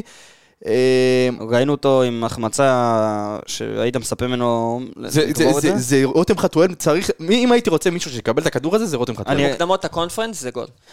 יכול להיות.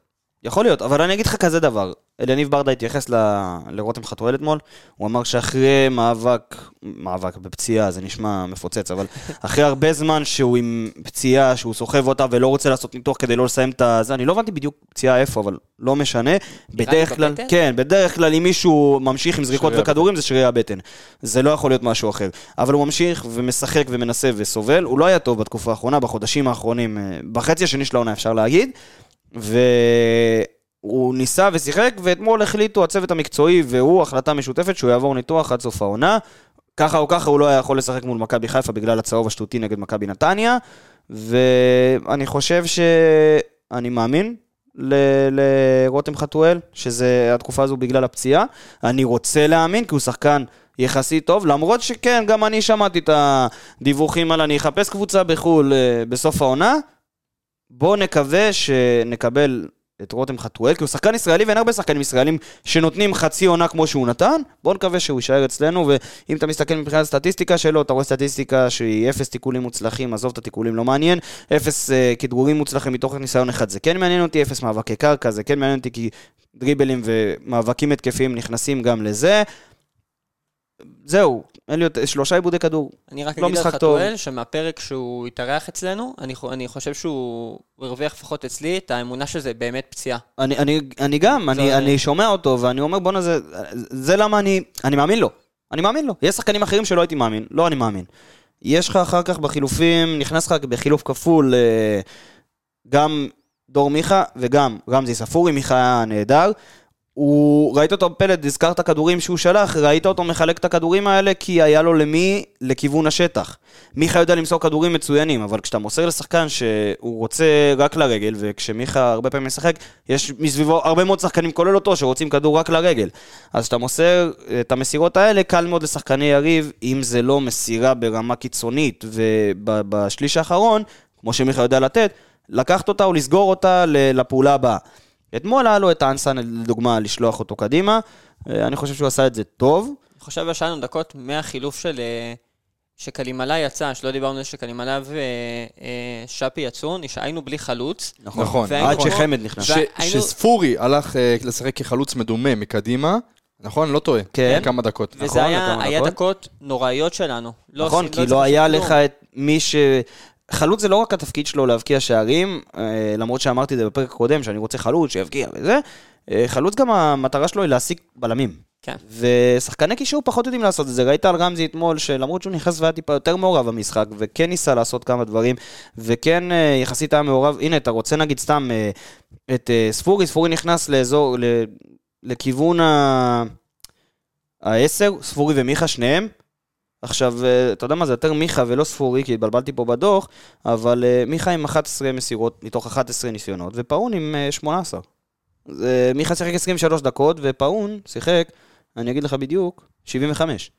זה מראה לך כמה פאון היה פחות אה, טוב אתמול, ספורי עדיין לא חזר מהפציעה לדעתי, אני לא חושב שכל כך על מה... נכון, אה, אה, אותו דבר, אה, אני חושב, אותו דבר. התקליט חוזר אה, כמה משחקים ברצף, החילוף אחר כך היה דדיה.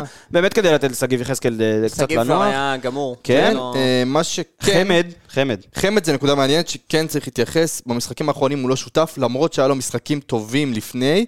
הוא הגיע אה, למצב שלו אתמול. הוא הגיע לסיבוב של כן, תומר. חמד בעונות במיורקה. הכדור שהוא בעט הגיע אליי. היה-. זה היה תוצאה של חלוץ עם חלודה. זה בדיוק מה שאני חושב שזה היה. כי אני חושב שתומר חמד, אחרי שהוא עם רצף מסוים, קובר את זה בחיבור. הוא יודע לעשות את זה. הוא יודע לעשות את זה מצוין, באמת הזכרת את הסיבובים שלו אז שבמיורקה, היה לו סיומת, לא סתם הוא הגיע אז לאנגליה והכל. זה ברור שזו לא אותה רמה, ולא אותו כושר, ולא אותו שום דבר, זו גם לא אותה ליגה. ואני חושב שזה נטו תוצאה של חלודה. ו... לא יודע, אני חושב שאפשר להשתמש בו אחרת. יותר. מסכים איתך. טוב, ניצחנו, זה מה. שחשוב, לקחנו נקודות, נקווה שמכבי חיפה ממש אחרי הפרק... אה, לא אה, ייקחו נקודות? אה, לא אני יצ- לא בטוח, יצליחו, אני- לא יצליחו, ו... מה, לא לתת תקווה? אני אומר, כן. אני אומר נעצור פה, כי אני מאמין שרוב הקהל שלנו מאזין לנו אחרי המשחק של מכבי חיפה, אז בוא לא נהמר על בוא לא. נהמר על הדבר הזה, ומקווה שאנחנו איתכם ושמחים איתכם. אה, אבל מפה איפה כן נעבור, אנחנו מהמרים? אה, בטיקטוק. בטיקטוק אנחנו מהמרים תמיד, וגם בבית, וזה סתם לא. אה, פלד. מפה, מכור לחישגד. בחישגד. הוא מגרד. אה, לכל הבוסים שלי לעתיד, אל תשמעו את הפרק הזה. אה, טוב, רגע, לפני פינת הרכש, כי זה מחויבות שלי אה, להזכיר אה, את זה. אה, אני אגיד לך מה, נתי לא פה, מה לעשות? היום נתי לא לא כאן. אי אפשר לעשות את ברומה של פינה בלי נתי, כמו שהוא לא עשה בלעדיי, נכון. ברור שאני לא אעשה אז אני- בלעדיי. אז אני נכנס עם הפינה אילי. ייכנס ל- לריק הזה, לוואקום הזה, עם פינת היוני סטויאנוב שלו. כן, אה, תמיד אני שומע את זה ב... תמיד אני אז שומע אז את זה אני בדרך. אני גם אוסיף קינוח ליוני סטויאנוב, זה מעניין. בבקשה. אה, הוא סידר לנו, כנראה, לא לנסוע לקריית שמונה שנה הבאה. אפשר... אה, קריית. שמונה בלי ניצחון בבית כל העונה. זה הזוי. זה הזוי. אה, כל הכבוד יוני סטויאנוב שחוזר לנו בעונה הבאה, וסידר לנו באמת ככה, אולי, אולי, אה, נסיעה ארוכה שלא תתממש. אה, ומפה לעוד- לעוד מישהו ש... חסך לך בדלק. שהוא לא שייך אלינו, וחבל שהוא לא שייך אלינו. עוד פעם, ליד רמות נכנס לכמה דקות ועוד מפקיע בהפועל תל אביב. גם הם בבעיה. ילד מלהבים, שהתחיל במחלקת הנוער של באר שבע, חשוב להזכיר, עוד שחקן שהולך להפועל תל אביב מהמחלקה שלנו. אה, היה עוד מקרה גם, אה, שמעתי היום על שחקן, לא היום, לפני כמה ימים על שחקן מקריית גת, שזה... זה לא חדש, זה לא חדש. שזה חבל, זה באמת חבל שהשחקנים האלה צריכים להיות אצלנו. ודיברנו על הנוער בפרק הקודם, אין צורך להרחיב, כן. אנחנו מקווים שמשהו שם מסתדר, זהו. כן. אה, אה, לא, לא, באמת לא צריך להרחיב, זה באמת תפילה, אנחנו באמת רוצים הצלחה של המחלקה הזאת. אה, בוא נקווה שהם יישארו בליגה. מפה קפיצה לרכש. כן. אה, במילה אחת שלי, לפני שנתחיל, נו. אה, במילה אחת אה, פשוטה, ואני אתחבר ככה למשחק אתמול, גיא בדש. לא יודע. לא יודע, שחקן בן 28, עונה הבאה בן 29. 28, וואו. כן, הוא בן 28, אני גם הייתי בטוח שחקן צעיר וזה, ואז 28. נכנסתי לבדוק, בן 28, ס- אומר שנה הבאה יהיה בן 29. אני לא יודע אם זה שחקן ששווה לך להביא בגיל הזה. עכשיו כן, תגיד לי, תשמע, את גורדנה הבאת בגיל 30, רועי גורדנה זה רועי גורדנה, אני לא יודע אם שווה לך, הוא שחקן טוב בדש. לא יודע אם שווה לך להביא אותו, אבל לא הייתי מביא שם. מה שהייתי מחפש, פעם קודמת אמרתי לך חלוץ, אני רוצה שחקן כנף שייתן לי מספרים. אנחנו לא יודעים אם שפי יישאר, מהארץ אני לא בטוח שיש. לא, יש לא מהארץ, שחקן יש- כנף כן. זר. שחקן כנף זר. עכשיו, אם נגיד, אני זורם איתך אליי ומשאירים את אה, שפי, לעונה הבאה, זאת אומרת שיש לך שחקן כנף ימין. כן. להרכב פותח, לרוטציות באמצע העונה כשהוא עייף, יש לך. אני רוצה שחקן כנף, סקורר, מצד שמאל. אני גם חושב שזה יכול לעזור מאוד לקנימלה, זה יכול, ששטחים... זה יכול לפתוח, קודם כל, לפטריק עולם אחר. למה? כי אתה רוצה שיבקיעו שערים, והשערים מתחלקים בפועל באר שבע בצורה מאוד מאוד רחבה. אבל אתה רוצה שהראשונים שיבקיעו שחקני התקפה שלך כדי שיהיה לך, שיהיה לך על מה, על מי להסתמך בהתקפה מקדימה. אז כן, אני חושב שפטריק יכול להיות החלוץ שלך לעונה הבאה. אני חושב ששחקן כנף שייתן לך מספרים בצד שמאל, ראית אתמול. זה לא דוגמה, ברור, זה גם לא מדגם ולא מייצג. אבל כשאנסה הבקיע, גם פטריק הבקיע.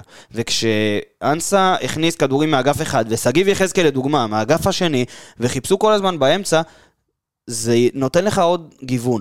עכשיו, למה אני רוצה שיהיה שחקן כנף שידע להבקיע עכשיו? ברור שכולם רוצים, אבל למה אני חושב שזה קריטי? כי המערך שאני רוצה לראות בהפועל באר שבע, או מה שמתאים לה לדעתי לפחות, זה 4-3-3. שלישיית קישור כבר יש לך חזקה, אה, אם אתה משאיר את שפי אז יש לך שחקן באגף ימין, טוב, יותר טוב פחות זה ויכוח אחר, אם הוא באתי יישאר או להגיד לא. 4, 2, 3, 1 רק בשביל לעצבן אותך. אה, אני כבר לא מתעצבן מזה, הייתי רק שובר פה את הקונסולה או משהו. שופך פה קפה על הקונסולה.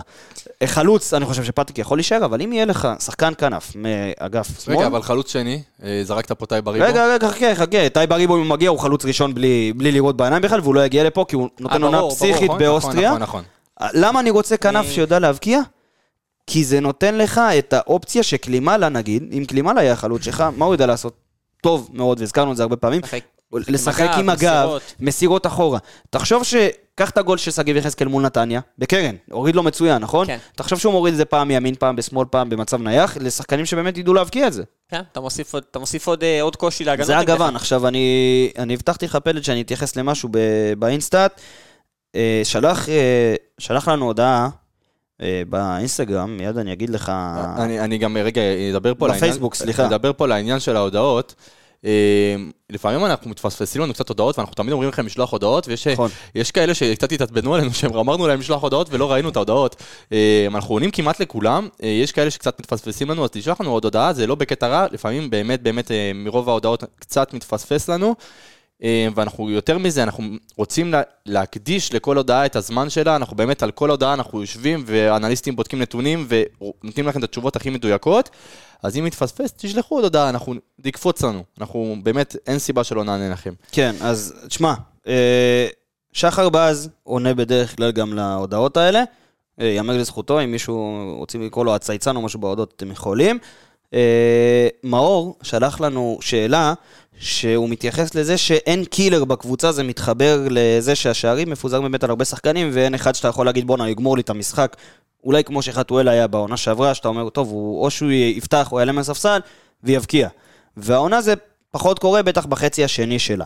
הוא שאל על, אה, על, על טוני וואקמה, שהוא קרא לו גליץ' במטריקס ב... בעונות האליפות, אם נוכל להוציא לו איזה נתון כזה או אחר שמאשר את הדבר הזה, חוץ מתחושה שיש לכולנו. נתונים אז, אני נכנסתי לאינסטאט, בקושי והיו על, על הפועל באר שבע אז, מלפני כמה שנים, אה, אז לא הצלחנו לצערנו להוציא. רק נגיד לך, מאור, שאנחנו שותפים לתחושה הזו. אנחנו שותפים לגמרי לתחושה הזו. של גליץ' במטריקס מתאר את וואקמה לגמרי, וזה שהוא גם העלה תמונה בשבוע שעבר, איי, איי, מצביע. איי, איי, איי, כאב לי. טוב, נעזוב- את זה עכשיו. אולי הוא יחזור עם ג'וסווה ביחד וניקח אליפות יד ביד, יד במלחייה? לא, אה? טוב, חברים, היה כיף, היה פרק איכותי, ואני מבסוט שסיימנו אותו. אה, נגענו בכל כך הרבה נושאים בפרק הזה, זה לא נורמלי. רכש, תפאורות, כן, כן, בית- כן. בתי דין, שופטים, ניצחון. אה, שתיגמר העונה הזאת כבר, קסאם. די. טוב, אה, מפה אה, אנחנו אה, נאחל לכם נאחל לכם יום קסום, יום קסום. ושנאחל לאשדוד יום מוצלח. נאחל, כי אנחנו עוד פעם מקליטים לא- לפני המשחק. כן, אז בוא נגיד שאם אנחנו... בוא נעשה, בוא נעשה סיום, בוא נעשה ככה, נעשה סיום שמח, סיום עצוב. ואז תחליטו אתם. כן. תחליטו אתם. עדיין במאבק האליפות, צריך להגיע בהמונים עצוב- מה לטדי. עצוב, מה שמח? אם חיפה מפסידה זה... ש- שכל שמח אחד או ייקח את? זה לאן שהוא רוצה, שכל אחד ייקח את זה לאן הוא רוצה. אה, חברים, תמשיכו לשלוח לנו הודעות, אנחנו נמצאים אה, בפייסבוק, באינסטגרם, בטוויטר ובטיקטוק ובכל אפליקציות השמע, עונים לכולם, אוהבים אתכם, ויאללה באר שבע, ויאללה אשדוד.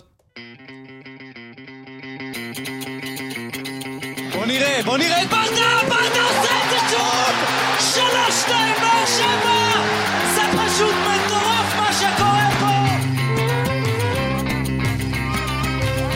הנה שוב באר שבע, בטירוף על השער,